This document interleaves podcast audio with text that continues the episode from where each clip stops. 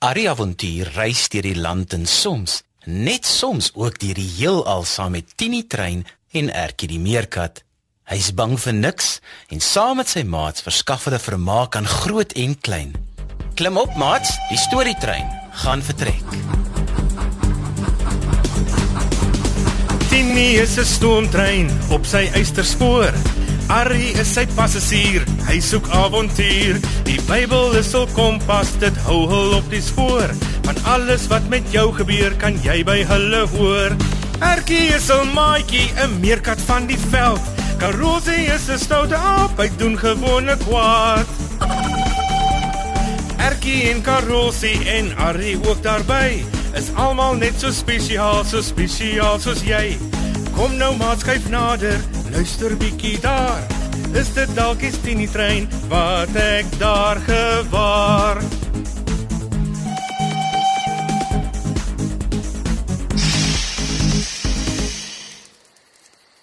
Skuif op, meerkat. Vir wat sit jy so styf teen my? My ribbes is nog seer. Ek kry koud. Ons sit dan by 'n groot vuur en jy het 'n pels. Ag, toe nou maar julle twee. Hier, hier's 'n kombers ertjie. Soms het mens bietjie ekstra hulp nodig om die gewenste resultate te kry, nê? Nee. Dankie, Ari.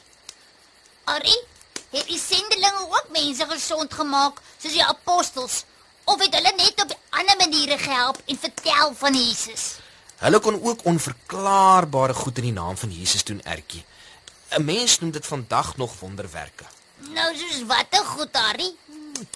Hulle kon mense laat kalmeer wat nie in die normale samelewing ingepas het nie. En hulle kon in vreemde tale praat. En daar word ook vertel dat hulle niks oorgekom het van gif nie. En dan natuurlik het hulle mense gesond gemaak. Barnabas en Paulus, Paulus? Wag, wat het dan nou van Saulus geword? fyn geluister aapstert. Toe Saulus nog die Christene vervolg en doodgemaak het, het almal hom geken as Saulus. Maar na God se hart verander het, het al hoe meer mense hom Paulus begin noem. Want hy was nie meer dieselfde man nadat God deel van sy lewe geword het, nie, Ari? Sy nuwe naam wys hy is 'n nuwe man, né, Ari? Net so. Nou, nou wat het Barnabas en Paulus gedoen, Ari? Daar word vertel dat hulle na die dorp Paphos toe gegaan het. Daar het hulle 'n towenaar ontmoet. Nou sy naam was Bar Jesus en sommige mense het hom ook Elimas genoem. Hy het gesê dat hy ook een van Jesus se apostels is en dat hy ook wondere kan doen. Maar was dit nie 'n jokkie, Ari? Hm, jy slim ertjie. Wat hy ook kon doen, was nie in die naam van Jesus nie. Dit was met die hulp van allerlei slim toertjies. So hy was 'n valse profeet. Wag, wag, wag. Ek verstaan nie, Ari. Hoe kon die towenaar dan dieselfde goed doen? Mense is slim karossie. Hulle kan met allerlei oë verblindery vorendag kom. Maar ons moet altyd onthou dat God nie net magtig is nie, hy is almagtig. Beteken dit nou soos dat God die sterkste is? Net so. Nou hoekom sê die towenaar wou hê dat mense moet dink hy glo in God as hy dan nie geglo het nie, Ari?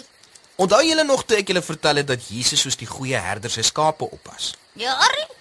En onthou julle dat wolf die skape wou vang? Ja, Ari. Nou ja, sommige mense is vandag nog soos daardie wolf. Hulle wil nie hê mense moet na Jesus se storie luister nie. Hulle hou nie van die storie nie en wil dan vir die wat wel daarin glo wegkry van die een wat hulle beskerm. Soos die skaapwagter. Maar dit is so skelm. Maar verstaan jy nou, Ertjie? Toe Barnabas en Paulus vir Elimas, die towenaar ontmoet het, was hy by die goewerneur. Hy was 'n belangrike man in daardie tyd in daardie dorp. OK. Sergius Paulus wou baie graag die woord van God hoor en het daarom vir Paulus en Barnabas na hom toe laat kom. Maar Ari, toe ek vir 'n rukkie by daardie mense aangehou is, toe ons vir Miri gaan haal het en toe ek per ongeluk agtergebly het, eh, toe het hulle eendag 'n verjaarsdagpartytjie gehou. Daar was so 'n verspotte man wat goeters vol lig geblaas het en dit probeer verander het in ander goed. Het nooit gewerk nie, maar dit het afgeblaas of gebars. Hy het blink goed agter die kinders se ore uitgehaal en sy lappies het nooit opgeraak nie. Hulle het hom 'n towenaar genoem. Hy was niks soos 'n wolf nie. Ja, ja nee, daardie ehm um, towenaar wat jy daar by die partytjie gesien het, was nie 'n regte towenaar soos Elimas nie. Hy was eintlik net 'n kulkunstenaar.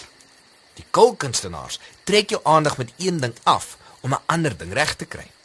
Hulle maak eintlik net grappies om die kinders te laat lag, so dis glad nie dieselfde nie. Het Barnabas en Paulus geweet wie en wat Elimas was, Ari? Ja, Ertjie. Paulus het Elimas een kyk gegee en toe vir hom gesê: "Jy is vol bedrog en 'n vyand van goeie dinge." Mense kan lees in die Bybel wat hy nog gesê het, maar hulle het ook gesê hy gaan vir 'n tyd lank blind wees. Oh, Sjoekas, Ari. Het dit toe gebeur? Elimas kon niks meer sien nie. Die goewerneur het gesien wat gebeur het. Hy het geglo dat Barnabas en Paulus regtig is wie hulle sê hulle is en hy wou meer weet van Jesus. Ons sit nou hier tussen die bouvalle van die stad wat hulle Antiochië genoem het. Maar julle weet, daar was ook 'n dorp met dieselfde naam. En Barnabas en Paulus het ook soontoe gegaan. O ja, jy's reg sis. Ek het amper vergeet. Ja, hulle het die hele verhaal van Jesus se geboorte, lewe, dood en opstanding daar gaan vertel by die sinagoge. Net so.